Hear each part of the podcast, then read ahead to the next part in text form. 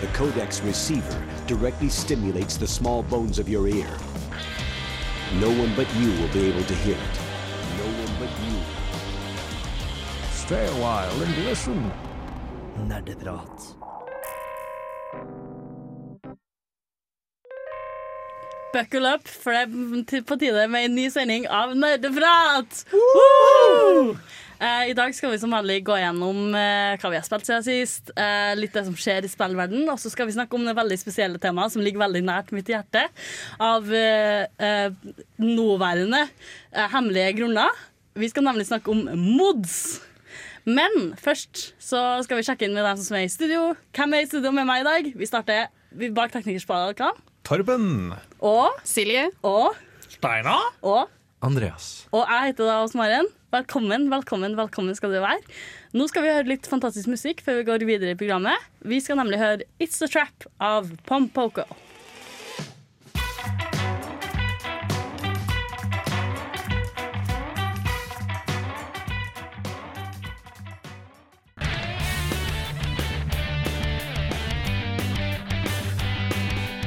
This is James Portnow, and you are listening to Nardaprat.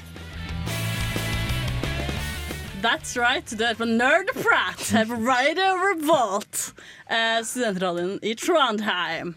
Vi skal starte med det vi har spilt siden sist, og det her er noe av favorittdelen min av programmet. Eh, vi jeg tenker vi starter med Torben. da. Ja, siden sist. Det blir jo jeg vet hva, jeg, Det er lenge siden jeg har vært med i programmet. Jeg, har liksom, jeg føler jeg har vært med, men jeg har sittet i et annet rom ved siden av og styrt teknikken uten å ha deltatt. Ja, så du har Så hva har du spilt i det siste? Zelda Breath of the Wild. Trenger jeg si noe annet? Countless hours. Jep. Jeg, eh, jeg har tatt eh, to av de fire Divine Beast, som det heter. Og jeg har tatt en del eh, shrines, som er disse bitte små mini-templene, kan du si. Men uh, nå så tar jeg bare og utforsker verden, og utforsker nå en jungel i nedre og høyre del av kartet. Det var det jeg gjorde sist jeg spilte i påsken. Her får vi virkelig se Switchen sin styrke. da At du på en, Jeg vet ikke hvor du var i påsken, men altså hvis man er på eh, hytta eller altså man er, Mange er jo litt forskjellige steder i påsken, men da er det lett å ha med seg eh, Switchen sin. Så det er kanskje litt av eh, styrken med den. Ja. uh, ja, det er litt morsomt, fordi jeg har ikke beveget meg et eneste sted i påsken. jeg har bare vært eh, her i Trondheim. Er det også grunnet switchen? Kanskje. altså, jeg har ikke Tiny bit? Jeg har ikke greid å oppdrive en eh, Hva heter det? Eh, en case å ha switchen i. Hva heter det? Etui. Ja. Så jeg, jeg kan ikke ta med meg noe sted. Så det er kanskje, det er kanskje derfor jeg har blitt litt Du sa at du hadde spilt en sånn Eller at du hadde eh, slått No Divine Beasts. Og sånn har jeg forstått det, så Divine Beasts sånne svære 3D-puzzles som du må slå? Ja, det er på en måte dette spillets ekvivalent av de klassiske templene i, som Zelda-serien er så kjent for. Men det er på en måte mye mindre De er, de er mye mer konsentrert, da, kan du si. Og så er de ikke like omfangsrike som mange av de templene man er vant med. Men de er beist. Ja, det er eh, på en måte Ja, det er en del av historien som forklarer uh, bakgrunnen for dem. Ingen spoilers, men uh, No spoilers her på nærprat. Eh, Jeg vet ikke om det er spoiler, men uh, jeg vil kanskje ikke kalt det spoiler. Det, det går litt sånn, hva skal vi si Det er litt populært å kalle ting for spoiler. Holdt jeg på å si. At det går litt inflasjon i det. Alt er en spoiler. Altså si liksom Spillet heter Nei, nei, nei, ikke si det! ikke si det, er. Samtidig Altså så, Hovedpersonen heter Nei, nei, nei! nei. samtidig så kan jeg godt forstå det med selv, da. Fordi mye av gleden ved å spille spillet er å oppdage ting. Ja. Og utforske og snuble over ting. så, Så- sånn, inntrykket mitt er at når Nintendo prøver seg på noe nytt, så gjør de det som oftest veldig bra. Og de Ja. har virkelig klart denne open world-utforskinga, finne nye ting-greia, som har vært populært i historien nå, da. Så det, jeg venter bare på at noen av kompisene mine skal, skal være ferdig med Breath of the Wild, sånn at jeg kan spille. og Switchen. Stjele switchen. Ja, det, er det er det som er greia Det er det som er bra med at det er så lang tid mellom spillene til Switchen. For da kan jeg på en måte låne den i dødtida mellom. Your evil masterplan. Oh yeah. Silje Marie, hva har du spilt siden sist? Altså, jeg har også spilt uh, Breath of the Wild. Uh, yeah. Mesteparten av tida, sånn i påsken. Um, men noe sånn som jeg har nevnt et par ganger, at kollektivet til kjæresten min De har liksom Wii-en, uh, sånn at jeg ikke skal kunne spille på den hele tida. Og der har alle sammen tatt av, så jeg får ikke spilt så mye som jeg vil. Men jeg har tatt alle fire Divine Beasts, og så har jeg gjort så å si alt. Jeg bare liksom prøver å la være å ta siste bossen, for jeg har lyst til å liksom få så mye ut av spillet som mulig. Men jeg har også i tillegg spilt en kort runde med Stellaris. Og så, ja. Og så spilte jeg Civilization 5 i sånn 45 minutter. Og så begynte jeg å spille Breath of the Wild igjen. Så det går veldig mye Breath of the Wild. Ja, men eh, for Stellaris, det har kommet en del DLC-er til det nå. Ja, eh, jeg har ikke hatt råd til å kjøpe dem, det. Men, eh, men jeg har spilt Stellaris likevel. Fordi de andre jeg spilte med, hadde jo kjøpt det, så de ville jo spille. Ja, så jeg måtte liksom bare prøve å henge meg litt på. Men jeg ville heller spille Breath of the Wild. Så Ja. ja. Men det store spørsmålet med DLC-en er jo har de endelig fiksa midgamet til Stellaris.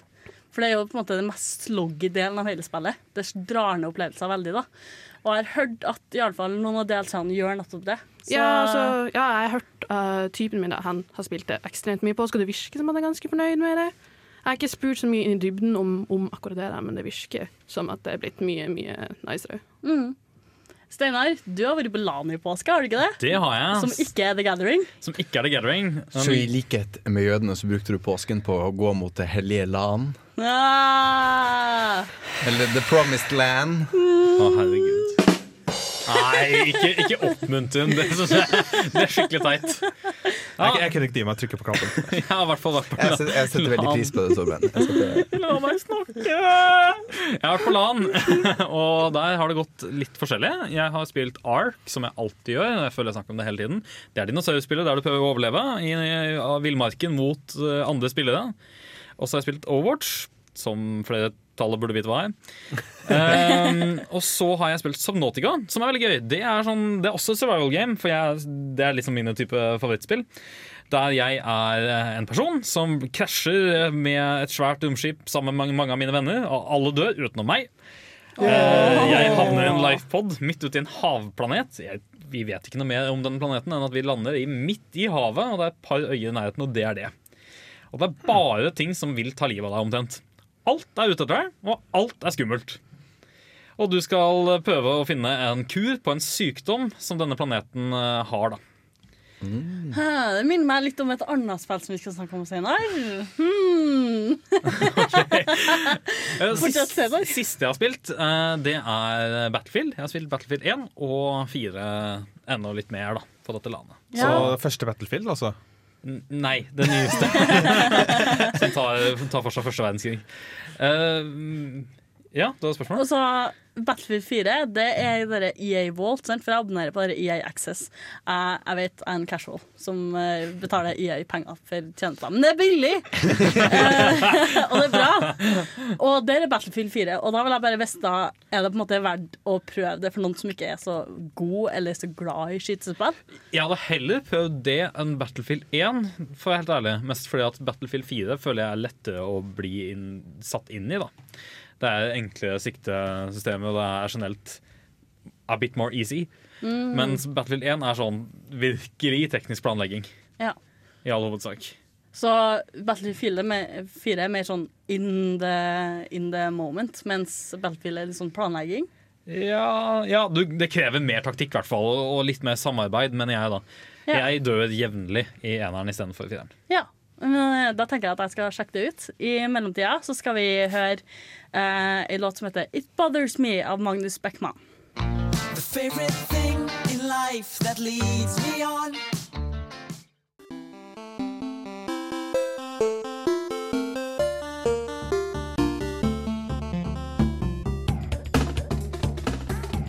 Du lytter til Nerdeprat her på Radio Revolt.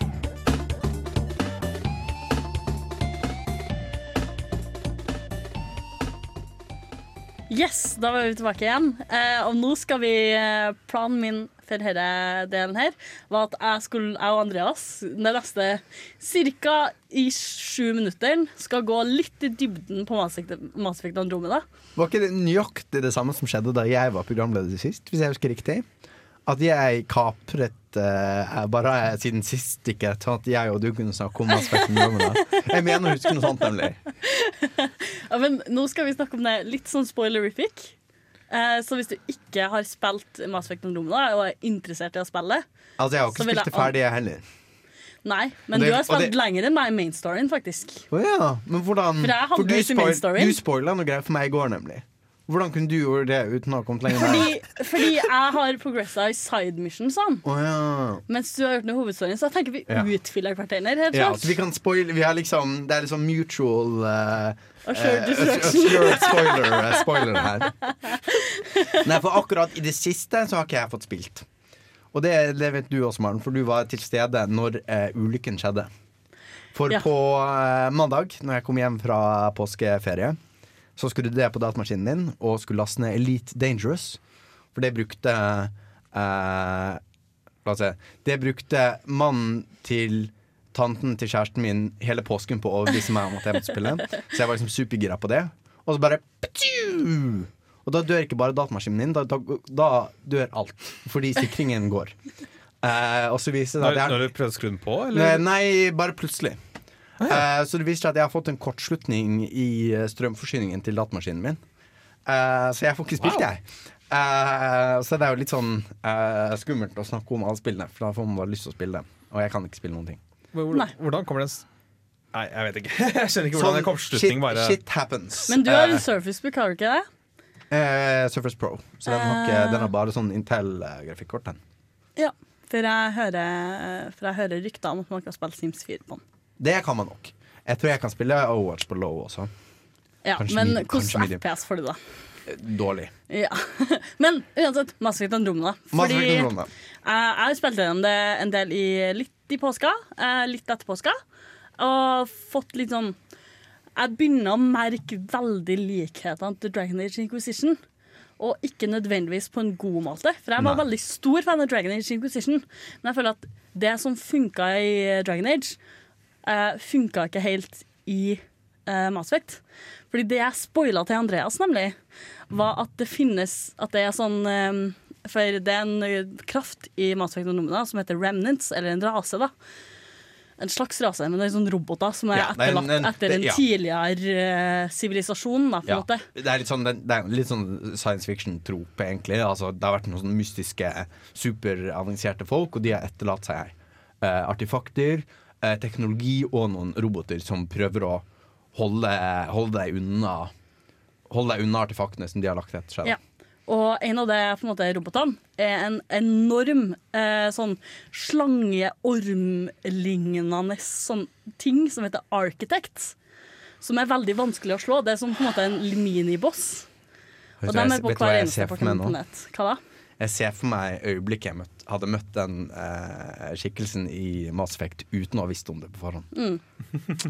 Hadde du bare utforska Eladin like mye som jeg hadde gjort, så hadde du kanskje møtt den. Er det den. den Nei, ikke den store, men Nei. den lille ormen Ja. som heter Architects. Okay, Og Men- det er en side mission som gjør at du skal ut og drepe den. Fordi okay. den er på vei mot settlement. Det er etter at du danner settlement på Eladin. oh, ja, Så får du den ok. questen. Ok.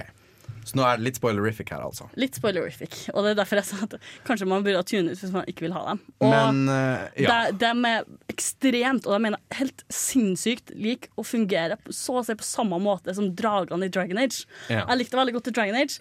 Jeg liker det ikke så godt i Mass Effect. Liker du det ikke fordi det er likt, eller liker du det ikke fordi det ikke funker like bra? Fordi det ikke funker like bra. Det virker bare som de av det. Og det Ja. synes jeg er veldig synd. da Ja. Fordi det er jo litt interessant, og det er noen som har tatt opp at um, det har vært en overlapp mellom utviklingen av Mass Effect Andromeda og Dragon Age Inquisition. Mm. Og de har vært utviklet i samme motor. Så det har vært litt forbløffende egentlig at man har hatt så mye problemer i, tekniske problemer i Mass Effect Andromeda. Altså Det har vært forståelig fordi man har byttet fra Altså De første tre Mass Effect-spillene ble laget i en annen motor. Og så har man byttet motor, og da er det liksom forståelig at man får litt problemer. Pluss at det er Bioware, da. Pluss at det er Bioware. Men man har jo ikke hatt så mye problemer i Dragon Age. Så hva er det på en måte Hva er det de har fått til i Dragon Age som de ikke har fått til i Andromeda? da? Først og fremst er at uh, det heter ikke Mass Effect, heter ikke Worm Remnant Architect uh, Age. Det heter Mass Effect. Handler om Mass Effect Fields. Sant? Ja, Det gjør det jo nesten ikke i Andromeda. da. Nettopp. Fordi Mass Effect-teknologien og Mass Effect Fields er jo knyttet til The Reapers, Ja. som er eh, antagonistene i eh, første Mass Effect-trilogien. Altså her er de, Den første trilogien er alltid best. Det er bare sånn det er. Ja. Sånn er de Star Wars, sånn er de Mass Effect. Uh, Um, men hva, er- hva poenget? Så, så måtte, Så, men i Dragon Age så heter det jo Dragon Age. Ja. Det handler om drager. Det er etablert sjøl i navnet at det handler om drager. Og det er en veldig viktig sånn del av spillet. Ja. Det er en kul del av spillet. Og jeg Men, vil ikke si at når jeg først møtte en arkitekt, så var jeg sånn Å, fy faen, dette er dritkult. Jeg har aldri opplevd så kul combat i hele mitt liv. Og så oppdaga jeg at nei, men jeg har gjort det i Dragon Age. Men altså, på et eller annet tidspunkt så bare betyr ikke Mass Effect noe. Det betyr bare dette er EA sin science fiction. Ja, sin sin science fiction Altså, det betyr bare Space Shooter Guy. Altså, Space Shooter Guy. altså, det, det, eller Space Shooter Gal. Altså. Ja. Vi inkluderer det tross alt. Men, men på en måte, det, det, altså, det betyr jo ikke noe mer enn Space Shooter. Nei. Uh, så, så på en måte det Det har ikke jeg vært så mye plaget av det, at måte, Mass Effect Fields ikke er en så stor del av uh, greia. Nei. Jeg vil jo gjerne det, har vært, det, det er litt rart at de ikke snakker om det. For eksempel at du er jo på en måte en helt ny galakse, og det er jo folk der, spoiler, det er folk der som også har romskip. Og det er liksom, hvor, Hvordan fungerer deres romskip? Fungerer de på samme måte? Fungerer de på en helt annen måte?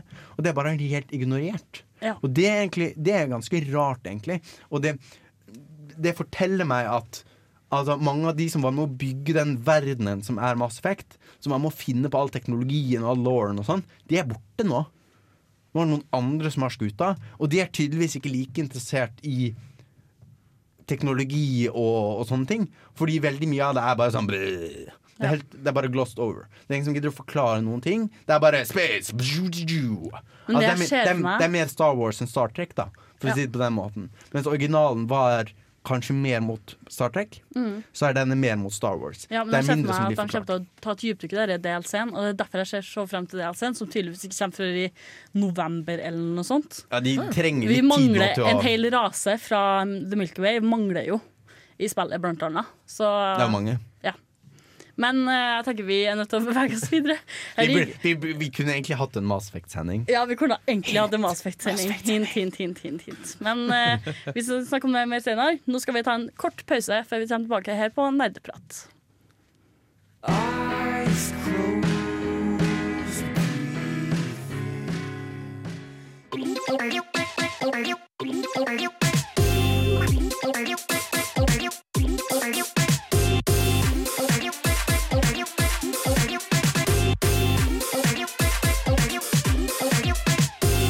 Nerdenytt. Det er på tide å bevege seg inn i spillende, spennende nyhetsverd. Eh, det vært litt uh, krokete nynorsk, men eh, jeg håper Til å være nynorsk bruker, nynorskbruker, så er jeg ikke- sikker er ikke. Jeg det. You Altså, tried. Hashtag fake nynorsk det er. Det, altså, nei. Uansett, Silje Marie, du har nyheter til oss. Ja, jeg har nyheter, og det første jeg har lyst til å snakke om, er at uh, Bajonetta uh, ble sluppet på Steam nå forrige uke. Og det har allerede solgt da på Steam. Uh, 100 000 kopier. Her, vent, har det kommet Hæ? Har det kommet på Ja. PC? Ja, bare altså Bajonetta 1, ikke Bajonetta 2. Bajonetta 2 er fortsatt uh, Wii U exclusive. Yes. What? Da må jeg jo spille! Ja. Jeg, Shit. det var noen Nei, på landet mitt som spilte det. Er det noen her som har spilt Bajonetta? Eh, Nei, men jeg har bare sett. Silje Marie, hvordan er det? det er fantastisk. Jeg Ja. digger bajonetter. Det er Ja. liksom Det er så sykt fresh, liksom. Altså, alt mer er super, super over the top på en jævlig bra måte. Eh, Hvordan er porten? Altså, jeg vet du, eh, Sitter du med noe informasjon om det? Uh, det står ikke så veldig mye om det på, i mine notater. Når den har Eh, solgt bra, så antar jeg Eh, ja, at jeg den kan, er helt OK. Liksom. altså, er det én ting eh, PC-spillmiljøet er flink på å reagere fort, hardt og rasende på, så er det hvis porten er dårlig. Ja. Så da solgte jeg altså 100 000 kopier på ei uke. Det er og det ganske- lover kanskje bra for oss Bajonetta-fans, fordi at det, kanskje de pengene går til et Bajonetta 3? ja, fordi Bajonetta har kun kommet på, på Nintendo før. Nei, Nei. PlayStation, PlayStation, ja. originalt. Så PlayStation-fansen ble jo veldig sur når Bajonetta 2 kom exclusively til uh, Wii U. Ja. Tingen er at Nintendo betalte, eller finansierte utviklinga av spillet i stor grad.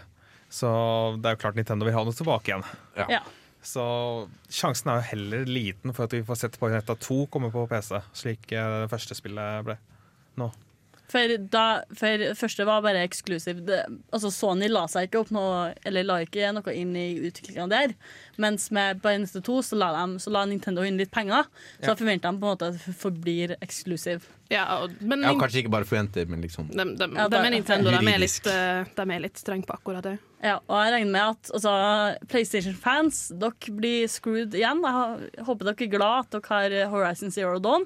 Fordi det er veldig Det virker som det er veldig få er som bryr seg om dere. Altså, PlayStation er jo historisk vært en av de bedre på exclusives. Persona-serien er eksklusiv. Eh, Uncharted.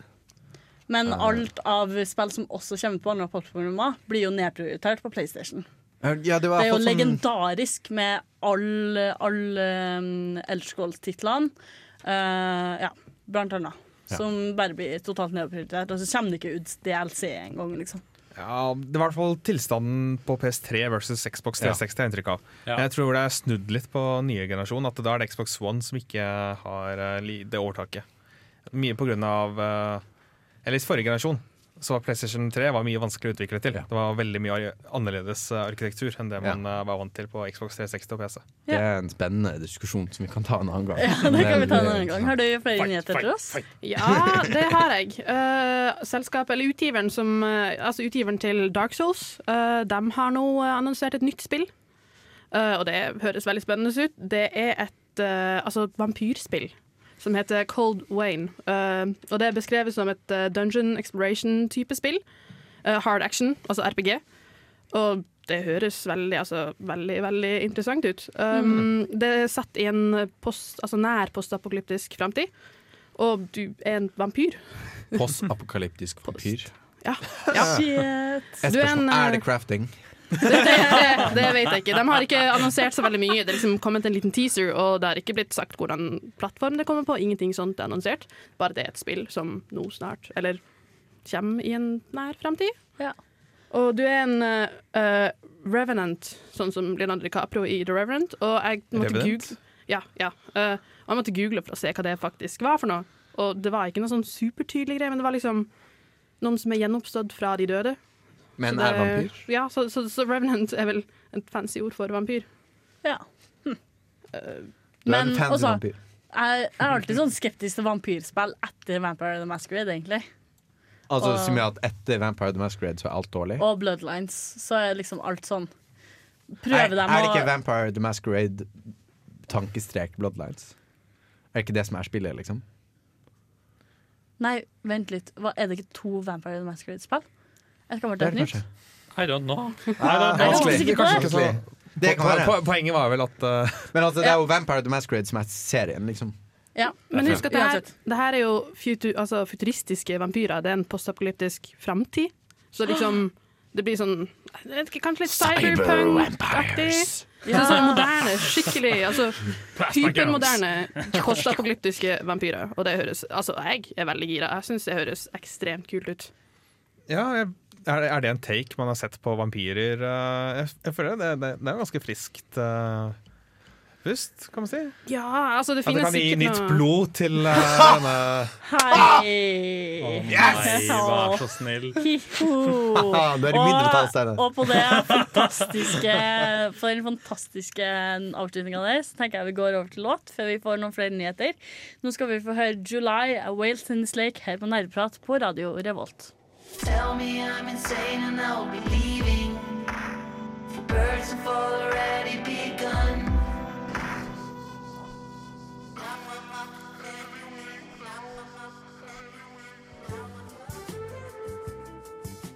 Forskning påviser at ti av ti italienske rørleggere blir tilfredsstilt av nerdeprat på Radio Revolt. Radio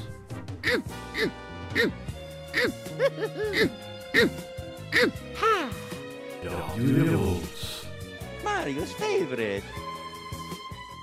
Yes, Silje Marie, du hadde mer nyheter til oss? Ja, uh, Ubisoft åpner nå i år to nye uh, utviklerselskap uh, i Europa.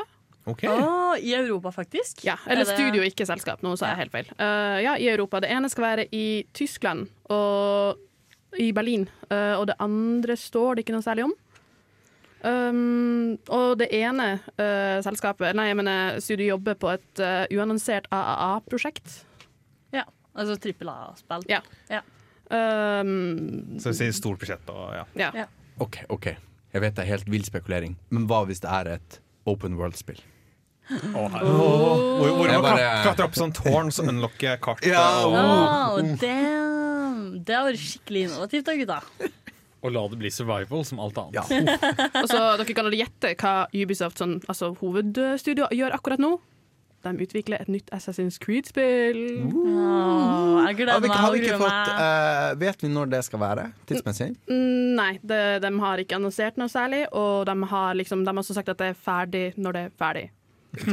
Det er en, en bra uh, For a change, liksom. ja, men det er litt spennende, for er er det ikke Ubisoft som har vært eh, på Som har kjempa mot uh, Vivendi?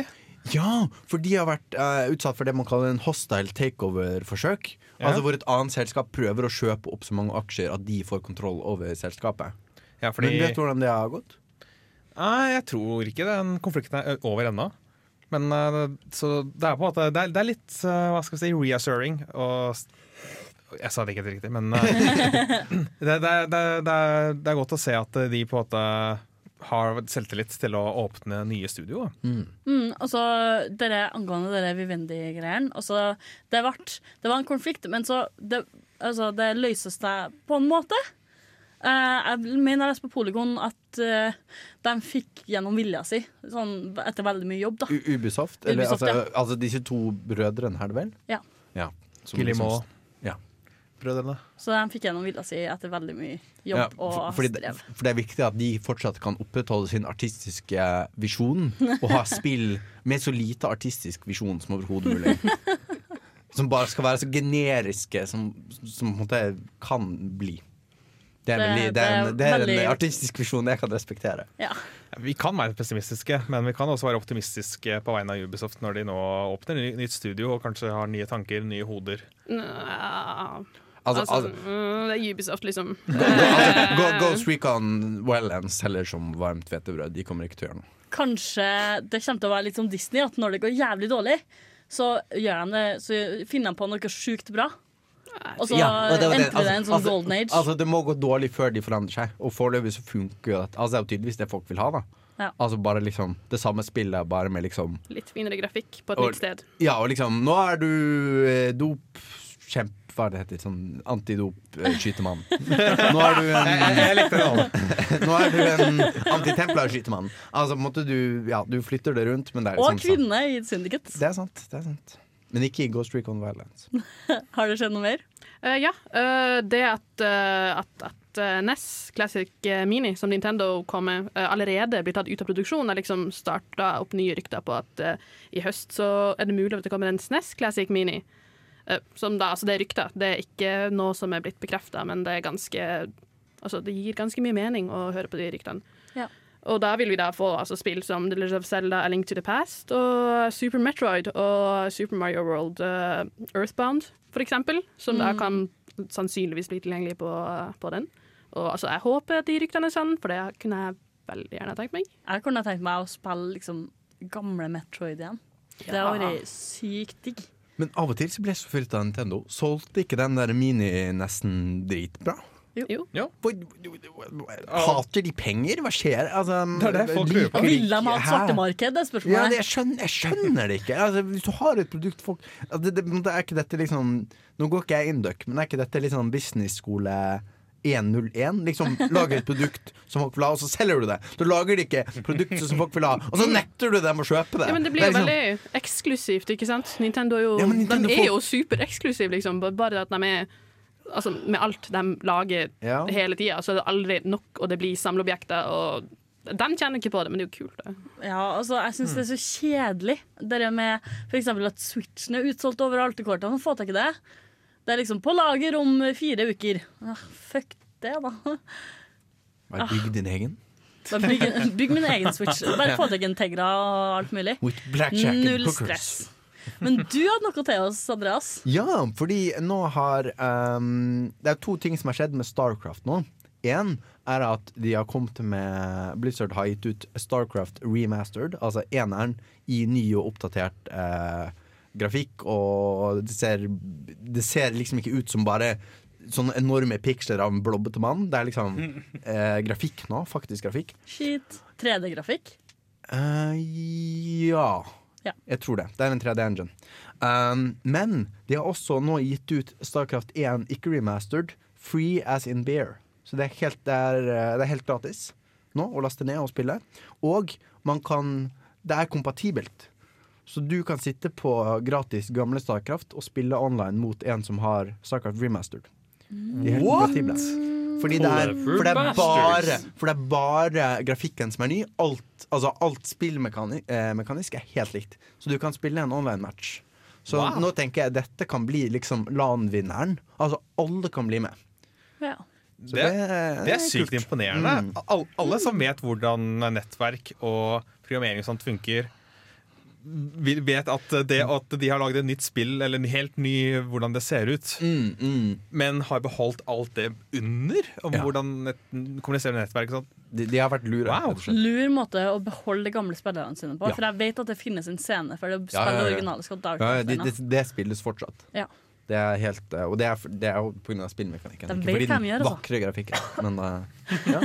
Så det er kult. Så er hvis kult. noen her eh, er like dårlig i Starcraft som meg, så kan man jo kanskje ta en match. Spill uh, Grey Goo i stedet. Uh, uansett, uh, det var en Det var Liten oppfordring på tampen her, for nå skal vi nemlig bevege oss litt videre inn i temadelen. Vi skal ta en liten oppvarming med vekka spørsmål.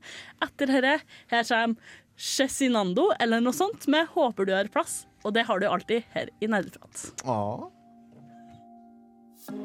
Det er ingenting som fenger lenger eller føles ut som en ekte følelse. Og det har nettopp begynt å øse. Når innså du at du var en gamer? Dersom du kunne spilt kun et spill i et år Hva er det eldste spillet i backloggen din? Og du var på en øde øye i helvete mens du var 11 år gammel. Hva har du lært fra spill som du har fått nyte av i hverdagen? Er det et spill som har hjulpet deg gjennom en tung periode av ditt liv? Hva er ukas spørsmål? Godt spørsmål, unge herremann. uh, nå skal vi Det er nemlig tid for ukas spørsmål. Og eh, jeg har tenkt litt over det her, for hvordan skal jeg på en måte slå balansen mellom å ikke snakke for mye utover temaet, og på en måte bare gi en liten teaser for hva vi skal snakke om i dag. Uh, og da tenkte jeg Som er mods. som er mods, ja. Eh, og da tenkte jeg spørsmålet jeg har lyst til å stille dere, og som jeg har lyst til å høre fra dere i dag, det er nemlig hvis dere skulle ha modda ett spill, Altså, Modda. ja. ett spill, altså laga en mod for et spill Vi skal snakke mer om hva en mod er senere. Uh, hva, hva spill vil dere ha modda, og hvorfor? Skal vi ta en runde, eller skal vi bare melde oss? Du avgjør. uh, vi tar en runde. Torbjørn. Jeg kommer ikke på noe på stående fot akkurat nå. Hvis noen andre snakker i en liten periode, så kommer jeg kanskje på et eller annet. Andreas? Kan, kan jeg, snakke, jeg kan snakke litt rundt spørsmålet mens jeg Ja. tenker. Det er liksom taktikken.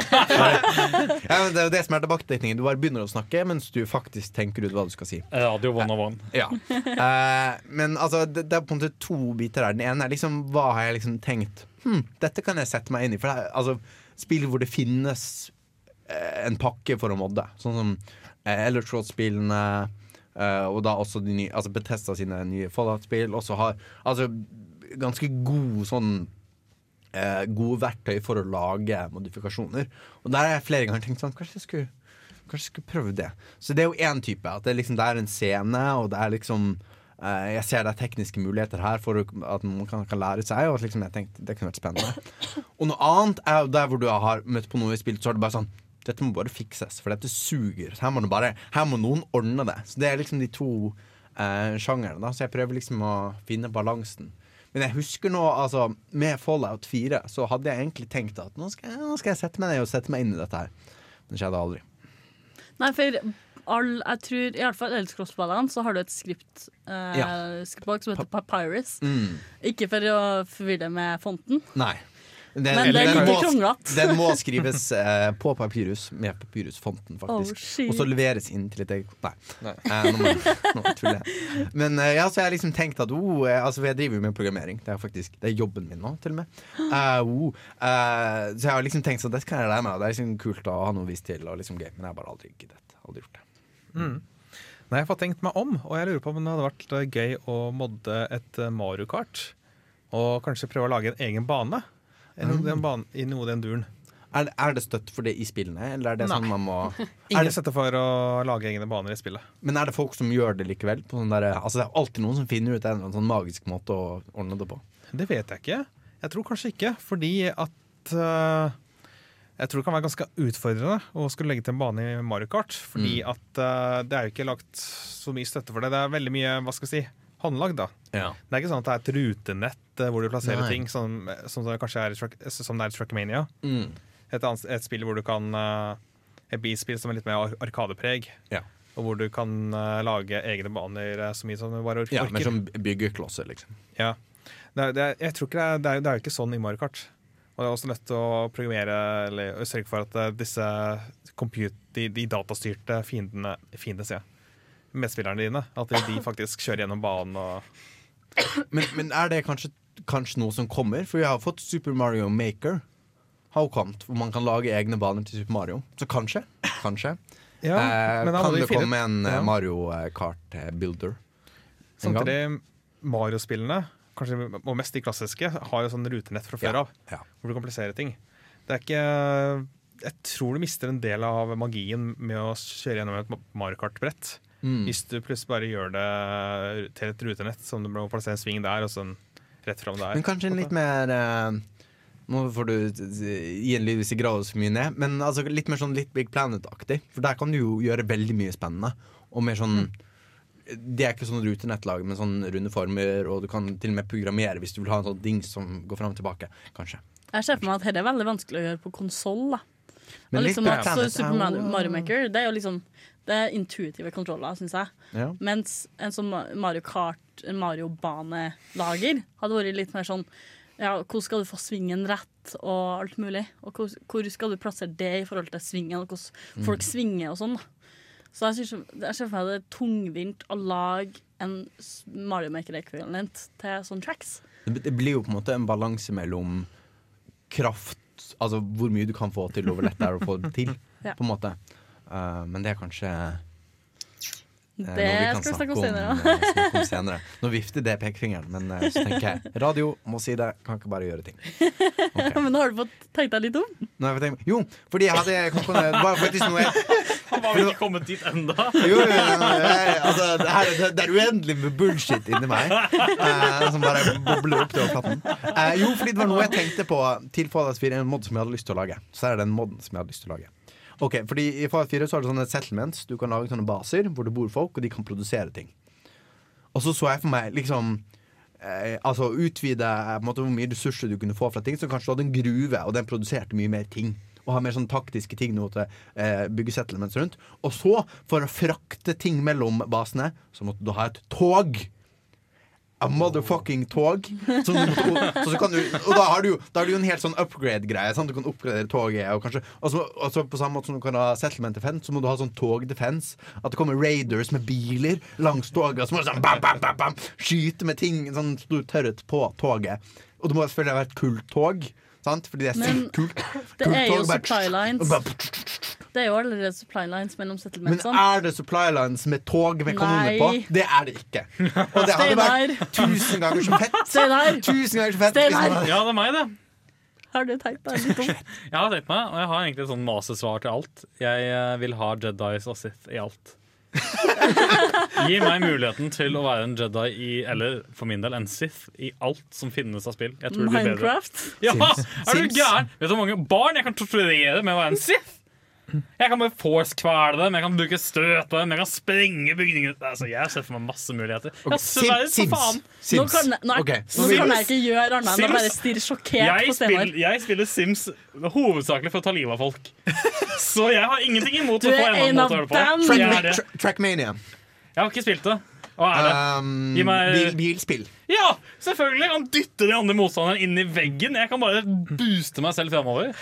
Use the force, Link. Ja, ja, ja. Roll, ro- rollercoaster tycoon. Ah, hallo, jeg kan bare ta Jeg kan kjøre alene. Jeg kan bare flytte Truck hver eneste en. Simulator. Jeg kan flytte unna hele trafikken, så jeg spiller verdens mest enkle spill noensinne. Jeg tror jeg har funnet et uslåelig Altså, jeg kan, jeg kan, gå, på, jeg kan gå hele dagen, jeg. Det er bare å komme med. Jeg skal komponere jeg har gått helt godt- jeg har gått tom. Skal vi gå videre til Eh, ja, ja eh, nei, altså, jeg tenkte sånn, De fleste ting jeg vil ha modda, finnes det allerede mods til. Men jeg kunne tenkt meg flere uh, altså, antrekk som man kan liksom laste ned. Sånn modder, sånn rustning og sånn, til kvinnelige karakterer. Som ikke er supersexy versjoner av den mannlige, eller bare den mannlige satt rett på den kvinnelige karakteren.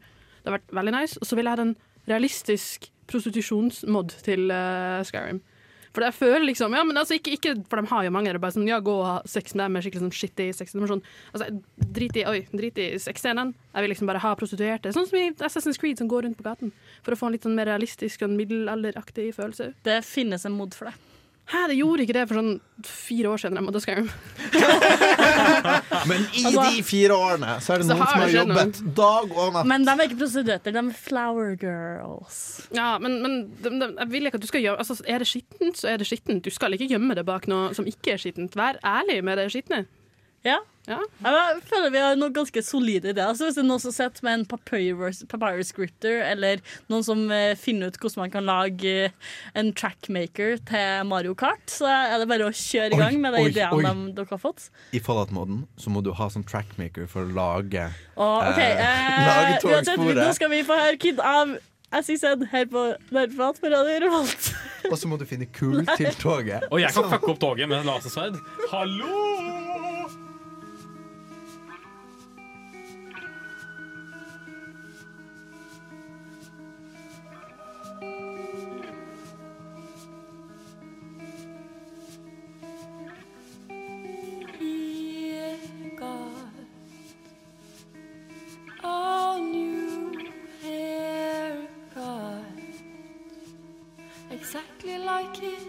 Grandma's. He sung all the way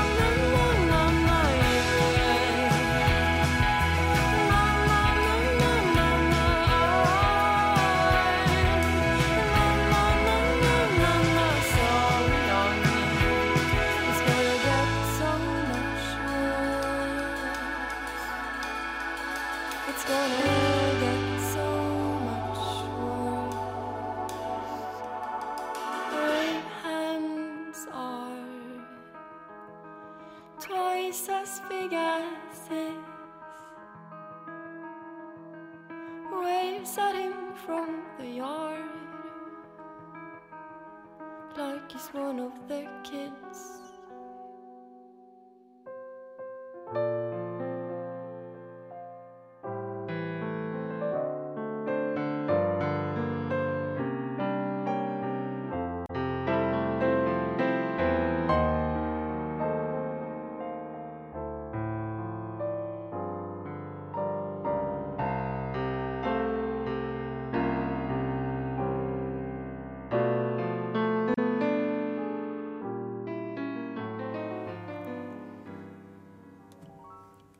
Men uh, Åse Maren, jeg har lurt på en ting.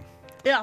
For det er, noe som er, det er et spørsmål som måtte, Det ligger helt- litt i lufta det for oss ligger, alle det, her. det, Ja. For det er liksom Jeg tenker sånn Mods. Ja, hvorfor Mod- akkurat mods? Hvorfor akkurat i dag? Ja, hva Den er det med den er det sånn- dagen her? Det er liksom noe som plager. Er det noe med, med, med 19. april? Er det noe som skjer hvert eneste år? Og så tenkte jeg kvinnedagen. Nei. Nei, det den, den, den er har vært allerede. Mm. Så det kan Så ikke hva være. kan det være? Jo, jeg skal fortelle dere da, for i dag har jeg bursdag. Bam, badam, bam, bam, bam. Skal vi synge Nei, vi skal ikke det. Syng- Nei, nei, nei. Nei, oh, ja, okay. Den er kanskje copyright òg, når jeg tenker meg om. Ja. Nå går alle tonopengene våre For eh, vi skal snakke om mods i dag.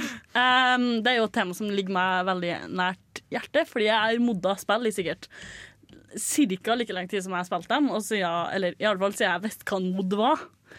Eh, og mods er jo et sånn det er sånn, Man kan ha veldig mange interessante diskusjoner rundt det. Og så det er veldig mange aktuelle diskusjoner, for det er veldig mange som har veldig sterke meninger om det. Så jeg vi i Nerdprat skal ta et lite dykk og liksom involvere oss, blande blande oss litt inn i de debattene som har pågått, og, kjem, og kanskje kommer til å komme i fremtida. Mm. Men så er det det store spørsmålet, da. Kanskje i starten. Hva er mod? Og det skal vi ta i neste stikk etter eh, noen av mine For i denne sendinga har jeg tatt ut Ah. noen av mine favorittlåter. Eh, nå skal vi nemlig høre 'Snow Over Northmore' fra Daggerfall før vi går over på vårt faste definisjonsstikk.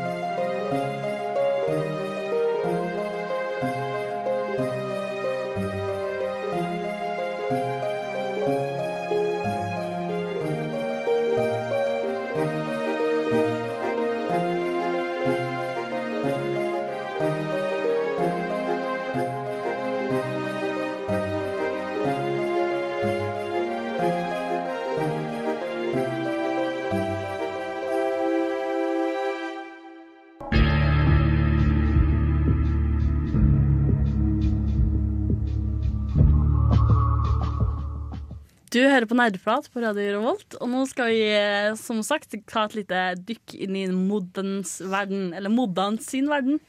Blir det modden, mod, mod-verden? Moddens verden? Mod, mod-verden. Vi tar mod-verden og kjører med det. Mod-verden. Blant annet eh, grammatikk. Ja. Her på Nerdprat. Eh, nå skal vi snakke litt om For når vi diskuterte her i sendinga, så var det litt sånn Hva er en mod? Hvordan skal vi definere det? Hva skal vi egentlig snakke om i dag? Og da syns jeg det er nyttig å ta, ha en, på en, måte en felles forståelse for det. Eh, og da vil jeg gå litt inn sånn Hva er en mod for dere? Ja. Oi, men, ok, du spør oss. Ja, jeg spør dere. Um, For min del så er det noe som er laget av spillerbasen til et spill som et tilleggsmateriale. For med en gang spillutvikleren har lagd det, så føler jeg med en gang at det er en DLC eller en ekstra pakke. kan Ja. du si. Så jeg tror det som definerer det for meg, er at det er spillerbasert eller laget av et community. Mhm. Silje Marie, hvordan er det for deg? Nei, jeg er enig med det Steinar sier. Ja. Yes! Yeah! To poeng. To poeng. Um, Død poeng. Der det er litt um, grensetilfelle, kanskje, er på en måte når er det en mod, og når er det en motor? Altså, for noen av de, Mange av tidlige mod kommer fra Half-Life. Men Half-Life er jo laget på Quake-motoren. Så når er det på en måte bare noen som har laget et nytt spill med motoren? Altså på en måte det underleggende liksom ja, vi kan, Motormetaforen er jo grei. Altså Det som driver spillet, på en måte. Du har mye liksom ferdiglaget. Du lager ikke et spill fra bunnen ofte. Du lager det med en motor. Du har liksom eh, sånn rammeverk som gir deg eh, grafikken og kanskje dialog og litt sånn. Ja. Ja. Og, og ja, hvorvidt det er noe som endrer på det spill- eksisterende spillet, eller om det endrer så mye at uh, Ja, for eksempel ikke- Counter-Strike, for eksempel. Det var en tidlig mod til Half-Life. Men er det liksom et helt nytt spill laget med Half-Life-motoren, eller er det en Half-Life-mod? Det er litt sånn uh, gråsoner. Ja, det blir jo samme som at Daisy først var en mod til Arme, og nå er Daisy et eget spill. Mm. For det har blitt liksom så forskjellig. OK, hva hvis vi sier det er en mod hvis du må ha spillet Du må ha liksom Det er ikke standalone, skjønner du? Det er på en måte Du må ha spillet, og så er det noe du stapper på spillet. Det- og, det er ikke noe, og, det er noe, som- og det er ikke noe som kan stå alene. Liksom. Du kan ikke bare laste ned modden, og så kan du kjøre det. Du må ha spillet, og så må modden opp på spillet. Ja, øh, ja, altså en modifikasjon på et spill. Ja. Det er jo en, mod en modifikasjon på et eksisterende spill. Ja. Ja, for jeg ville ha gått litt inn i det liksom, territoriet der, der du i hvor stor grad det bryter med visjonen til dem som lager spillet. Jeg vil si at et brudd på restriksjonene og visjonen som er pålagt dem som utvikler spillet, da blir det en mod. Hvis det bryter med At det kanskje i tillegg til det, den definisjonen vi har kommet opp med nå, at det i tillegg At den må gjøre det for å være mod? Eller må ikke gjøre det? At den må gjøre det. Eller at alle modder per def er et brudd Eller bryter bryt på en måte restriksjonene. For hvis, det, hvis de ikke hadde gjort det, så hadde jo bare utviklerne gjort det sjøl, er teorien. Jo, men da. Oi, oi, oi, her var det mye fra og Altså, på én side så kan du si at mod kan være en del av visjonen. Minecraft for eksempel, er jo det. De lagde det med intensjon at folk skulle legge til tilleggsgreier. Ja. Så- Og, og, og noe annet er jo det at det kan være Det ja. Og det annet kan jo være at eh, Altså, det er på en måte Det finnes jo på en måte finansielle, fysiske eh, tidsbegrensninger når man lager et spill. Så det kan være ting man har hatt lyst til å lage som man ikke har fått tid til å lage, og så kommer noen spillere og lager det. Ja, er det jo fordi- en, hva annet skulle det vært enn en mod? Altså, Hvilket ord ville du brukt for å beskrive det, om ikke mod? Hva ville du da kalt det? Hvis, de, altså hvis, hvis det er noe som utspillutvikleren har lyst til å lage, men de fikk ikke tid til å lage det, Mm. og så er det noen spillere som lager det. Da bryter det ikke med visjonen. Men Vil du Altså- kalle det noe annet enn en mod? Eh, I alle fall i gamle dager så var det, så var det greia med player created DLC. Hmm. Men, men da har vel utvikleren godkjent det til å bli en DLC? Jeg vil jo ikke tro at de tar betalt for det med mindre. For det, for det, altså jeg vil si det er en forskjell på når du liksom har en sånn en, s- eh, liksom, eh, Super Mario Maker, da. Da Ja. har du jo player content. Men det er jo ikke en mod. Nei. Det er jo et, et, et, et brett laget inn i spillet. Med liksom brett lage-greien inn i spillet. Og det er noe annet enn en mod. Det er content. Player created Ja. content. Jeg føler mod på en måte i en viss grad handler om å hva skal vi si, gå litt i kildekoden og hvordan spillet er laget. Og på en måte hacke litt. Mm. At det som regel er litt sånn hackeaktivitet. Uh. Modifisere det. Men samtidig så er det jo mange spill på spesielt til PC kanskje som er lagd med den hensikt å bli modda. Ja.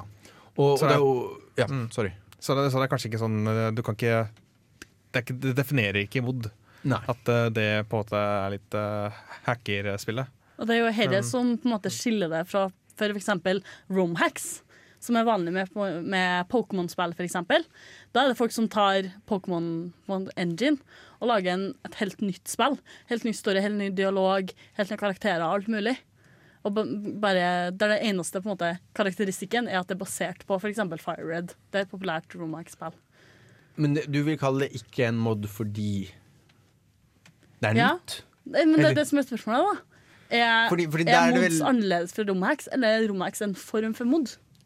Ja, men det var jo det vi ikke snakka om i sted, at du må ha det originale spillet. En modifikasjon som blir gjort på det originale spillet. Ikke at du bruker det originale spillet og lager et nytt spill, Ja. men at du gjør en modifikasjon til det eksisterende spillet og for det eksisterende spillet, og du må ha det eksisterende spillet. Liksom, ja. Men mange av disse romhackene er jo på en måte Det er jo det, er modifikasjon, men det er bare at de har modifisert vekk hele det som var spillet. Sånn at du, du må gjerne ha, faktisk ha det originalspillet Ja, for ja, å kunne spille den jeg, hacken. da vil jeg kalle det en mod. Nei, men romhacks er vel annerledes fra mod, i hvert fall de romhacksene jeg har vært borti, med at okay. man laster ned separate roms. Eller roms er da den fila, en spillfila. Ja, Ja, har de, tatt, altså, de har tatt en fil, og så har de på ulovlig vis Dette er også et element. Mhm. De har ikke hatt lov til det. De har, rediger, de har gått inn og redigert en, altså spillfilen for, for å lage noe annet. Ja. Så det her er også at på en måte, når Elderscrolls har mod, mods, så er det jo på en måte De har lagt opp til det. De har gitt verktøy. Og av og til så lager man det selv om det ikke er verktøy. At man kan gå inn og endre Legge til ja, det, nå, nå roter jeg meg litt bort her, for det er litt sånn gråsoner. Jeg tror det litt handler om når du gjør noe du ikke har lov til. Da har Ja. du krysset en eller annen grense hvor vi kanskje ikke kaller det mods lenger, men en slags hack. En hack, Ja. ja. Mm. Men da føler jeg vi har etablert en sånn Så eh, så er mod for oss? Ja. Så når vi snakker om mods nå, skal vi ikke snakke om ting som er gjort på en ulovlig måte. ja, vi skal ikke snakke om eksempel det romheksene som jeg snakker om, som er separate spill basert på med assets da, Mm. fra det originale spillet, som kan kjøres separat. Vi skal heller ikke snakke om level creator eller sånt i, Mm. inne i spillet. Ja. Hvor de på en måte har uh, lagd alle verk verktøyskassa for spillerne sånn ferdig. Men det er litt mer, litt mer omfattende mods, eller hva skal vi si, hvor det ikke er tilrettelagt for endringen i spillet. Mm. Og det er man, mange grunner til å mod. Eh, og en av de grunnene det er jo Noen gjør det jo for å få betalt.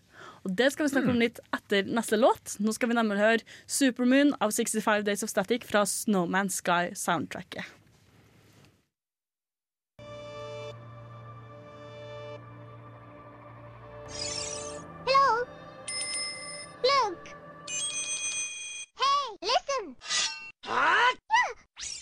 Du hører fortsatt på Nerdprat her på Radio Revolt. Og før vi gikk til låt, så introduserte jeg litt det vi skal snakke om nå, nemlig for eh, at det er noen som lager mods for å bli betalt, eller få i form av donasjoner, eller ta seg betalt for det. Og det har vært en rekke mis, jeg vil si mislykka yeah. forsøk Altså, på jeg vil- at utviklerne skal tjene Ja. på en mod. Altså jeg vil si at det, det, det er jo ikke det i dag. Det finnes jo ikke ennå. Spørsmålet, er- altså spørsmålet som vi er oppi nå, er hvorvidt det skal være det. Ja. Fordi per nå så er det jo ingen som kan leve av mods. Altså, Den eneste måten å leve av mods nå, er at Og det er jo det mange som gjør, at man lager en modifikasjon for å vise hva du kan, og så bruker du det som en slags portefolio Ja. for å søke jobb. Og det, er på en måte, det gjør man i mange kreative yrker. Sant? Altså, I de aller fleste kreative yrker så må du jo vise hva Altså I alle yrker så må du jo vise hva du kan for å få jobben. Liksom. Uh, og mod har jo vært en måte for det. At du ikke må bygge et et spill helt fra bunnen av. Altså Hvis det du gjør, er å være en 3D-grafiker, så kan jo ikke du lage Så er det jo dumt hvis du må lage et spill helt fra bunnen av for å kunne vise at du er 3D-grafiker, for da må du jo være programmerer og spilldesigner. Altså Da må du jo være alt. Så hvis du som 3D-modeller skal kunne vise litt hva du kan i en kontekst av et spill, så er jo modder helt perfekt. Ikke sant? Uh, og så kan man si ok, det er fair enough. Det er mange som gjør dette her fordi de vil og fordi de har tid. Men så, jo, så kan man kanskje si ok, kanskje dette er en student da som bruker uh, 15 timer i uken på å lage disse modsene, og kanskje liksom ja, gjør dette istedenfor å ha en deltidsjobb, da. For eksempel. Og så er det liksom er det ikke da, Hvis folk liksom syns dette er så bra at de er villige til å betale for det, er ikke det bare helt supert? At man skal kunne ta betalt for det, og så er det noen som gjør det gjennom donasjoner. Men i Når var det? Skyrim. Når var det de hadde dette forsøket? For de begynte, de gjorde et, et, eh, et eksperiment, kan man kanskje si. Ja. Det ble mer eksperimentelt enn de hadde trodd, tror jeg. Ja. Eh, Ja, for det, det ble, ble- ja, for det, ble med, det ble med forsøket. For de introduserte en slags butikk for mods. Hvor man kunne kjøpe, og mange av disse modsene var tidligere gratis. Ble nå Og du måtte betale for dem. Du, ikke bare donasjon, men du måtte betale for dem for å få dem inn i spillet.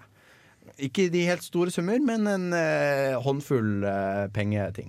Måtte du betale altså, selskapet, eller måtte du betale de som hadde lagd modden? For det syns jeg er litt viktig. Ja, var, Dette var også mye av kontroversen. Og de hadde en slags Jeg husker ikke nøyaktig splitten, men jeg tror det var mer eller mindre 50-50 eh, mellom, eh, mellom den som lagde det, og lagde modden, og, den, og de som har laget spillet, og Steam. Steam skal også ha en slice fordi de er utgiverplattformen. Og sånn er det jo også med alle de som selger eh, spill på Steam, så tar Steam jeg vet ikke hvor mye det er, kanskje 10% 15% eller noe sånt. Og de tok en tilsvarende slice her, og så skulle Betesta ha da 30% og så fikk eh, den som hadde laget modden, 50 Eh, Det ble en kontrovers. Og, det, og den kontroversen hadde flere biter, men jeg tenker kanskje, kanskje vi må konsentrere oss om en av de bitene, for det er noen som mener at man ikke skal Altså at det er- en dum idé å, å, å ta betalt for det i utgangspunktet. For det er mye som kan være fint og flott uh, hvis du får det gratis, men med en gang du har betalt for det, så kommer det noen krav. Noen krav om at det ikke skal ødelegge spillet litt. Noen krav om at Ja. måtte, det skal være en stabilitet som man ikke forventer av en mod. Så det er jo én del av det. Men en annen del av det mener jeg er måte, vil, Har utvikleren rett på en del av de pengene? Ja, det kommer litt an på. Altså, Og der vil jeg si ja visst faen. Og det er min kontroversielle påstand i dag. Ja, jeg syns de skal ha en slice av det. Eh, spørsmålet er hvor stor slicen er. Nå gjør Microsoft noe veldig spennende med Minecraft. Eh, de driver, nå skal de lage nettbutikk à la AppStore, der mod creators kan legge ut sine mods, og så blir de godkjent av Microsoft, om de er bra nok eller ikke, til å ligge der. Og så får de omtrent alle penga, utenom 10% 10% går til Microsoft, resten går til de som har laget det. Det vil pushe at folk lager mer og bedre mods til Mm. Minecraft. De har lenge hatt at de kunne lage skins, og, og selge, ikke selge skins de har selv lagd, men la oss si du spiller PlayStation, så måtte du kjøpe skins med ekte penger til din spillkarakter hvis du ønsket å se annerledes okay. ut enn Steve, som er standardskinnet. Men er dette en erstatter for dagens ordning, hvor det på en måte er litt anarki, og du kan installere Nei, som du ønsker? Du får, til, du får muligheten til begge deler. Men igjen, igjen, da, så la oss si at jeg har lyst til å tjene litt penger på å lage ordentlige spillkart, noe jeg har drevet med før gratis for folk. Det er jo dritspennende at jeg har nå muligheten til å lage best mulig content, og da har muligheten til å få betalt for det hvis det er bra nok. Og forskjellen fra, her, her fra Steam sitt forsøk er jo at det er curated. Sant? Det er godkjent av Microsoft. I hvilken grad det kommer til å funke, er jo opp til Og det, det er spennende å se hvordan godkjenningen også fungerer, for det vet vi jo ikke. Altså, jeg synes ikke, altså hvis, utgjennom, altså hvis selskapet, hvis det er Befesta skulle ta seg betalt, så syns jeg du skal kalle det en DLC og ikke en mod lenger. For da må de, altså jeg synes Hvis de skal ta betalt, så burde de ta ansvaret på å liksom, fikse den så den er he helt bugfri, og ha ansvar for at liksom, alt funker som det skal, Mm. hvis de skal ta betalt. Men igjen, det gir dem muligheten til å ta fullt betalt for det også, til at de tjener alle pengene. Her, for eksempel, i- Minecraft-tilfellet, så får de, får de bare en liten del av Ja. Det høres mye bedre ut enn det, det Ja. Befesta de gjorde. For den, Ja, det er jeg ikke enig i. Og på den diskusjonen så tenker jeg at vi beveger oss litt videre. Eh, nå skal vi først høre Chanel av Frank Ocean. Så skal vi ta oss en liten pause før vi kommer tilbake med flere disk gode diskusjoner her på Nerdprat på Radio Rolt. Håper du blir med oss. Hi, guy, pretty like a girl.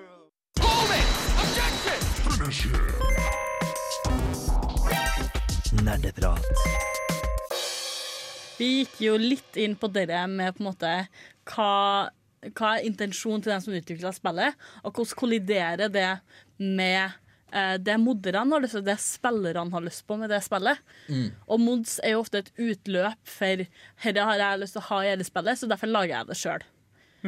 Men da er det en inter- interessant friksjon der mellom det utvikleren har lyst på spillet, det visjonen de har, og, eh, og restriksjonene de har lagt, som de kanskje i varierende grad har en grunn til, og eh, det spillerne har lyst til å bruke penger på. Da. Og i hvor, hvor stor grad eh, skal det på en måte Hvor er balansen hen, syns dere? Mellom et, en utviklers intensjon og en eh, spillers ønsker, som en betalende kunde? Hva mener du med balansen? Hva, hva er den på en måte Hvis dere skulle ha levd i en ideell verden, hvordan hadde dette foregått? Tja. Jeg føler at det så lenge det er noe som bare skjer på siden, at eh, det er liksom ut, Utvikleren har ikke involvert seg, i- det, men at det er spillere som bare laster ned mod på et eller annet eh, nettside, og så installerer det på deres spill, så burde ikke det være noen grenser på hva den moden gjør med spillet. At det, så lenge alle er innforstått med at dette er ikke det originalspillet. Dette er ikke det de egentlig skaperne så for seg. Altså, jeg, vil trekke det litt ett nivå opp. Og det er jo dette her hvorvidt man skal liksom ha altså, en klar stemme i spill. Og det føler jeg er blitt mindre, altså mindre og mindre av. At jeg føler spillet er blitt mer og mer liksom, generiske. Mer og mer altså, laget i komité, som man sier. Hvor det liksom er Det er liksom tusen mennesker som har kommet fram, men ofte så Spill blir i større og større grad laget av liksom fire ulike studioer rundt omkring i verden, sånn som Ubisoft gjør det med Assassin's Creed. Det er laget av forskjellige steder, forskjellige i verden. Og da blir liksom det blir litt sånn eh, fellesnevner, da. At, måte, og da er mod en måte at én person kan liksom putte sitt stempel og si 'sånn vil jeg at spillet skal være'. Og det kan være mer kontroversielt, det kan være mer friksjon, men du kan liksom merke en stemme der som kan være mye tydeligere enn et spill som skal være noe for alle. Som kan være noe En spiller kan si 'dette er spillet for akkurat meg', og så kan det være noen andre som liker det på samme måten. Ja, altså, jeg synes altså, Balansen er ikke så viktig, for at ingen Eller jeg, jeg tror veldig få kjøper et spill med intensjon at den eneste grunnen til at de skal kjøpe det spillet, er for å modde det. De fleste spiller jo gjennom spillet, liker spillet, og fordi de liker spillet som det er, så er det sånn Ja, men altså, det hadde vært enda bedre om jeg gjorde sånn her. Så, Mm. Men alle vet jo at det er mods, og man modder, for dette er gøy. Så liksom Balanse er ikke så veldig viktig, føler jeg. Nei, også, for dette går det på en større diskusjon om uh, i hvor stor grad uh, utviklerne skal føye seg etter det spillerbasen deres har lyst på. Eh, skal, og samtidig som at ja, ja, det er jo greit at så lenge eh, folk er klar over det, at det ikke er en del av spillet, så er det greit. Men når Skyrim for eksempel, for eksempel blir presentert med herre masse modene som gjør kvinnene helt utrolig pen i hermetegn, eh, at det blir på en måte litt false advertising. At det kan skade branden Mm. eller spillet in the long run. da. Ja. Hva tenker dere om det? Det vil jo Altså, til, til hvilken grad de har et ansvar for å sensurere plattformen? Er det mm. du spør om? Da er det jo langt verre ting enn eh, kvinner med større pupper å ta. Ja. Altså Man har barnemord, for eksempel, som er en veldig sånn en, de, Alltid en av de første månedene som kommer. Det er gjør det mulig å drepe barn. Det finnes òg barnepornomods til eh, Skyrim. Så de der igjen begynner det å gå litt sånn. Det, det, det er ikke innafor. Veldig lite innafor. Og, og det er jo juridisk. Ja, ja, ikke- altså, altså Nesten alt er OK så lenge det ikke bryter med ja, juridiske lover. Men uh, samtidig er det jo poeng da, at uh, kanskje eh, me massemedier for eksempel, kan si at uh, i dette spillet så kan du drepe barn. Fordi, kanskje fordi de som rapporterer dette, ikke vet bedre. At det, det, dette er noe du kan gjøre i Skyrim, eksempel. At, så, så jeg kan se at det er et lite problem der. Men her er det en, en, en veldig stor forskjell på um, hvordan ratingen ble gjort, som var noe som skjedde med GTA San Andreas. For Mm. der var det Dere kjenner kanskje til Hot Coffee Mod, som det het. Ja. Eh, og dette var en måte å låse opp en sexscene inni San Andreas. Eksplisitt, så til den grad du kunne være eksplisitt med liksom 15 polygoner og PlayStation 2 eh. 2-era-grafikk. Men det var liksom så eksplisitt eh, as it got eh, back then.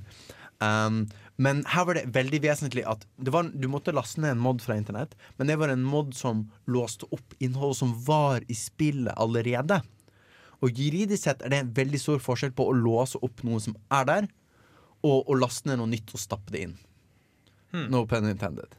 uh, så, så der er det litt vesentlig Altså Det er veldig stor forskjell på Bethesda har gjort det mulig å drepe barn, og så uh, må man bare laste opp. Og vi har laget en mod som endrer spillet, og da kan Bethesda si det var ikke vår feil, de endret det, men uh, vi kan, ikke, vi kan Ja. ikke styre hva folk laster ned fra internett. Folk laster det mye rart fra internett. Jo, men altså, det funker jo ikke sånn i media. Hvis et stort selskap finner ut ja, nå har vi lyst til å sjokkere, så nå skriver vi altså vi er klar, vi har gjort research, vi vet egentlig at det er en mods, men vi skriver at det går an å liksom ha barneporno i det her spillet. Og da er jo det, er jo det folk, folk leser jo ikke, går ikke inn i dybden på ting, så hvis det er det som står der, så det er det folk hører på. Men da er, jo, da er jo det ødelagt, liksom. Nei, det er sikkert skjedd, men det er et eksempel på hva som kunne ha skjedd. For det, altså, det har vært en del kontroverser med sex i spill. Altså, Mass Effect var det en nyhetssak. Oh, man kan ha sex i Mass Effect! Ikke sant? Men da har jeg aldri sett noe kontrovers rundt eh, mod 6 og sånne ting. Nei, men Så, er, så jeg, vet om, ja, jeg vet ikke om det er fordi media har måtte, skjønt distinksjonen, eller bare fordi det er såpass nisje. Det er jo, litt sånn, det er jo fortsatt litt sånn underground. å Jeg tror det er litt nisje fortsatt. For at, altså, det har jo ikke noe med media skjønne det eller ikke. Det handler om hva som selger, og skrive skriver om. Mm. Spesielt nå, nå er det så masse fake news, og alt sammen går til helvete med alle fordi at ingen sjekker sources. Og det er kanskje verre fake news enn liksom hvilke, hvordan modder blir dekket. Ja, ja, Men det er også et annet aspekt, og det er jo skaperne. Hvordan eh, de som eh, Kanskje sjefene eller de som jobber med dette eh, på gulvet hos utvikleren, har, har kanskje fått et spesielt forhold til spillet, og at dette er deres hjertebarn. og uh, har jobba så mye, er så fornøyd med spillet, og så kommer noen og gjør spillet til noe som de kanskje ikke mente at det skulle være. Så de skal liksom, at de blir såra, skal vi ta hensyn til det? Nei, jeg vet ikke om man skal ta hensyn til det, men um, det, er noe, det er noe å ha i hodet, kanskje. Altså, jeg, jeg, kan se, jeg kommer ikke på et konkret eksempel, men jeg kan se for meg hvis noen har laget noe med en slags visjon. Mm. Eh, og en visjon om at det bare skal være vanskelig eller visjon. Altså, ok, Se for deg et hypotetisk spill hvor liksom du dør uansett. Og så er det liksom et veldig stort poeng i spillet at du skal dø uansett, for det er en metafor for uh, livets Livet. uunngåelighet. Det er, eh, altså, det er annet liksom, det er liksom Hele poenget med spillet er at du skal dø til slutt. Det er liksom Literally. Altså, det er hele poenget. Det er liksom visjon. Og så kommer noen bare sånn 'Å ja, jeg fant en config-fil', og så, det, så blir det liksom survival crafting game. Uh, og så er det sånn «Åh! Har du ødelagt visjonen? Det er liksom en, Jeg føler det er en del av meg som Ok, det, da blir det spørsmålet det, Vil det vært greit å liksom fullstendig undergrave på en sånn veldig sånn bokstavelig måte undergrave hele poenget med spillet? Jeg tror at veldig mange modere har respekt for, i alle fall i situasjonen der eksempel, Jeg husker ikke hvordan Fallout-spillet var, men der du dør til, på slutten. Ehm, så var det ingen moder som klarte å gjøre noe med det. Og jeg tror ikke det var noe stor vilje for det heller. For det, folk innså at det er en grunn til at det skjer, og det er ikke teknisk mulig å gjøre sånn at man lever på, mot slutten uten at det bryter immersion eller ja, masse grunner. da. Mm. Så der har du et konkret eksempel. Der, no, det er visjonen at noen skal dø. Man skal dø, og da er historien over når man har fullført spillet. Ja, og så kom delscenen, da. Og så kom DLC-en. Men jeg husker jeg levde i det, så jeg husker på en måte tida pre-DLC. Ja, og så det du sa da. Altså, som, altså når du lager noe sjøl, altså når du lager noe kreativt, et spill sånn De fleste, i hvert fall som jeg snakker med, og som en person som også lager seg sjøl, om noen bruker mitt stæsj og liksom skaper noe nytt Hvis, den, hvis mitt stæsj insp altså, inspirerer noen til å lage noe nytt og bruke masse masse timer på å liksom fikse på dem, endrer jo ikke alt helt, men liksom bruke det som inspirasjonskilde for eget arbeid, så føles jo det jævlig kult, liksom. Ja, det, var, det, det er jeg enig i. Ja, og jeg syns det er greit. bra. Vi er enige for en gangs skyld. Og vi skal gå litt mer på, over på der det blir litt vanskeligere å mod, nemlig i online-spill og i, eh, på konsoll. Eh, og det skal vi snakke om etter at vi hører litt fra Dragon Age Inquisition. Her får du Zeros Never, kon, eller skrevet da av Trevor Morris. Sarah was never an agreeable girl. Her tongue tells tales of rebel. Nerdeprat, nerdeprat, nerdeprat, nerdeprat. Nerdeprat, nerdeprat, nerdeprat, nerdeprat. Det er jo en lang historie, med, særlig med Minecraft, som du Stine, er veldig glad i, mm. med at det er en stor mod-scene. Yep. Og da er det naturlig at et spill som er populært å mod, som har et online-komponent, da òg tar med seg alle modene inn i online-komponentet. Enten via uoffisielle eller ved offisielle metoder. Absolutt. Hva er deres erfaringer med online-mods? Altså spill i online-spill, enten i MMO-er eller eh, spill med multiplayer-komponent? Altså Veldig ofte så er det jo snakk om da hacks, egentlig. Altså folk som modifiserer spillet for å gi seg selv en urettferdig fordel eller noe sånt. Ja. Fordi det ofte er eh, Det handler litt om teknisk, men av og til så kan man gjøre endringer på sin versjon av spillet som serveren ikke klarer å fange opp. Uh, og så kan man eh, treffe alt, eller få mer ammunisjon, eller altså et eller annet. Men da har vi jo gått over i det ulovlige Ja. scenen. Men vi det er på en måte på en måte fordi. Fordi online-spill er som de er, så er det ofte vanskeligere å endre dem. Og da Ja. blir endringene ofte Det som vi kanskje ville ansett som mods hvis det var singleplayer, Mm. blir juks når det er multiplayer. På en måte. Ja. Um, jeg er litt uenig der. Altså, typ, når du spiller World of Warcraft, så kan du ha sånn altså, Du kan ha små mods, sånn som du har DPS-counter, som du kan Ja. laste ned. Og det bare viser jo hvor mye DPS alle sammen gjør. Altså og skade per sekund. Skade per sekund, ja. Uh, og det er bare sånn, Da har du oversikt, ok, men da ser du ok, jeg vet jeg kan gjøre bedre der, og så liksom kan du se hva de du er som kjører raiden eller dungeon med, liksom hva de gjør, og det, det er grei måte liksom å Mm, ja, det som bare forandrer hvordan eh, Altså hvordan brukergrensesnittet ser ut. ja, ja, uten du egentlig får å gjøre liksom, noe. ja, ja, du får liksom en liten boks i hjørnet der det Ja. liksom står masse tall. Mm. Men du kan også ha da mod som spellflash, som da, liksom, da blinker det spillet du burde bruke, eller liksom det du burde gjøre, i liksom rekkefølge. Okay, klikk den, klikk den, klikk den, klikk den, så du får høyest mulig DPS. Og det blir jo litt juks igjen. I Minecraft så er jeg vant til at man har noe som heter modpacks.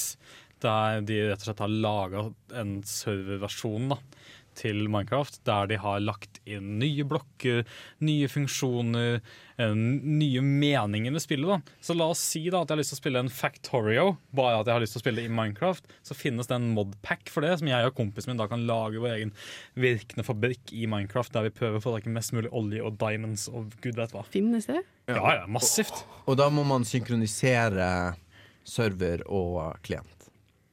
Ja, altså, da, ja. da må den både på, altså både på Minecraft på din PC og på Ja det, server. ja, for det blir som en launcher i dette tilfellet. Eh, og så tar den, eh, den serveren tar den informasjonen fra den launcheren der alt av mods og grunnspillet Minecraft ligger i. da. Mm. Uh, det finnes mange typer. Herregud, jeg har spilt med kompisene mine noe som heter Attack, Uh, Attack of the B-team. Som er at du er på ett lag, og du velger deg en faction som du er. Så jeg valgte, jeg valgte Mage, da. Mens kompisen min han var mech. Så han lagde masse svære, digre roboter som kunne skyte og ødelegge, mens jeg kunne kaste spells og sørge for at han var cursed hele tiden. Og så er det om å slåss mot hverandre, disse mod-verdenene, i en server. Ja, det er viktig å nevne at når man har Minecraft-mods og spiller med andre, så må alle sammen laste ned samme, samme content på sin PC. Ja, det kommer an på. Hvis det ligger i hosten, så trenger du ikke det. Ja, okay. Det er noen, noen som heter plugins i server, som gjør at alt ligger i Ja, okay. ja, for det har alltid gjort så at vi har lasta ned begge to, liksom, alle pakkene vi trenger og sånt, og starta samtidig. Dette, dette var faktisk bacheloroppgaven min. Når. Dette var det? Mm. Interessant. Altså, altså eh, et system for å uh, hoste Minecraft-servere eh, på uh, Microsoft Azure og installere riktige modpacks og sånn. Mm. Ja, interessant. Det funka ikke i det hele tatt. Men noen har jo fått det til, så det må jo Ja, ja nei, altså det, Dette var å opprette virtuelle, altså, opprette virtuelle maskiner. Oh, ja, the- at du kunne trykke på en knapp, og så ble det laget en uh, Minecraft-server eh, på en virtuell maskin, og så får den installert alle de riktige måtene. Og sånt som ah, skal ha. ah, Og så, Spennende måte å gjøre det på.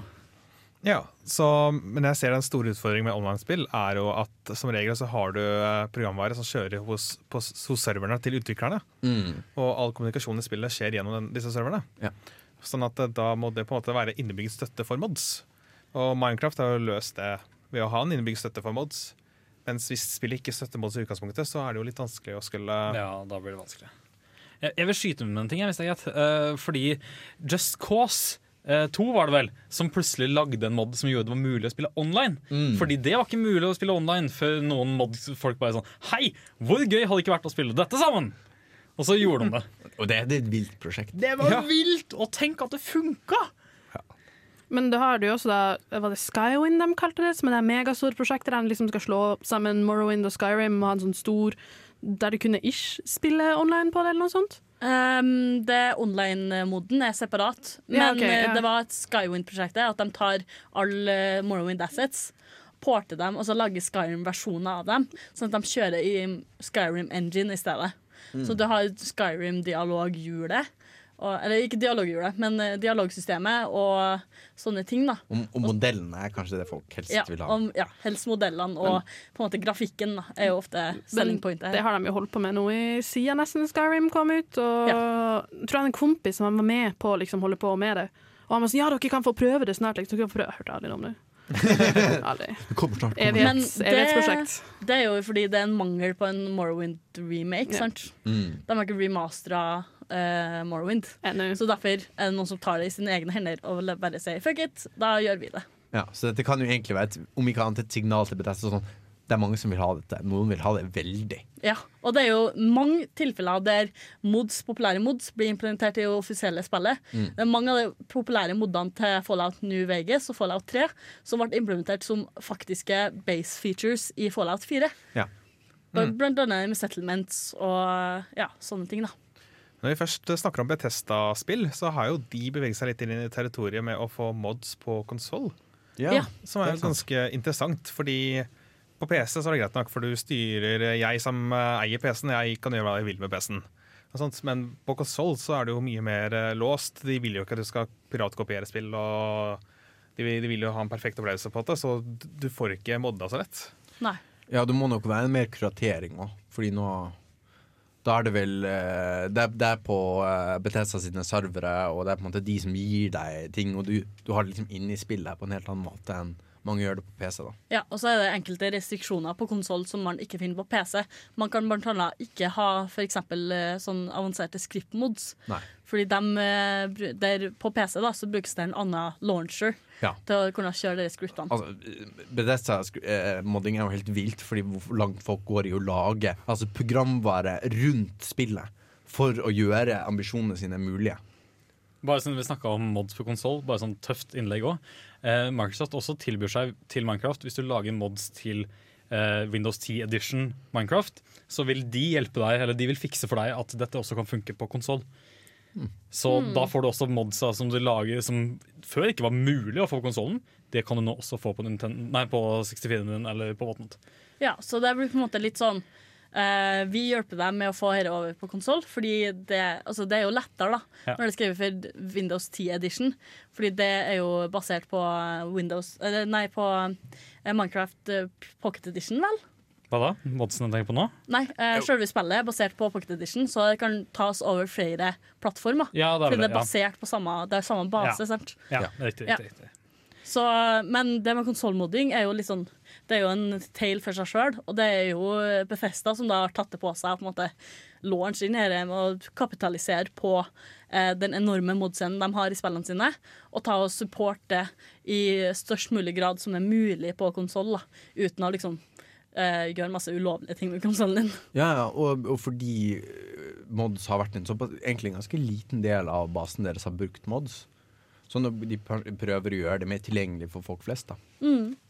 Og eh, på det så skal vi gå over Skal ta en eh, rask pause med ei låt. Den har du lagt inn, Torben. Den kan Ja, du dette er. Big Blue fra F-Zero. Uh, Remixa av Insane In The Rain Music, som jeg spilte litt før her. Dette er en slags 80-talls eh, jazzversjon. Så jeg tenker vi skal få nyte det. Dette er en Insane In Rain Music med Big Blue. Og det har da med Sammy Dusias på gitar.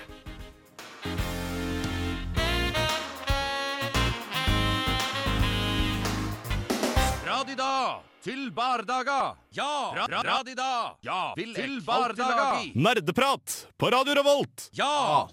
Det var jo rett og slett en fantastisk låt. Takk for uh... Alltid lagi! Skal du si takk Ja! til Andreas, for eh, koringa mot slutten av eh, introen vår der. Um, nå begynner vi å nærme oss slutten på sendinga.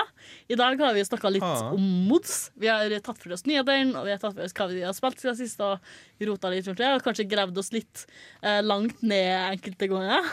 Men det Jeg er har jo fint. diskutert hva mods er, og Ja, hva de er. Eh, forskjell fra romhacks, for eksempel. Eh, betaling av mods. Eh, alt, altså, hvorfor vi skal mods. Og, og jeg har lansert den beste ideen til mod ever. Ja, det kan diskuteres. Star Wars er bedre. Hvis du vet hvordan du skal lage et lokomotiv i Fallout 4, ta kontakt med meg. Let's make it happen. Altså, jeg vet om en modder som heter um, uh, Trainwiz, som jeg tror er veldig, er veldig interessert i akkurat det der. I like trains. I like trains. Men vi må rett og slett runde av. I studio i dag har vi vært oss Maren. Torben. Silje Marie. Steinar. Andreas. Og vi hører dere eh, neste uke, når vi er tilbake da. Håper du eh, kommer tilbake til oss da. Vi er Nerdprat på Radio Revolt. Ha det bra! Officer,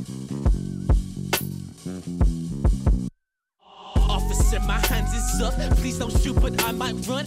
Run, nigga. Run, nigga. Run, nigga. I've been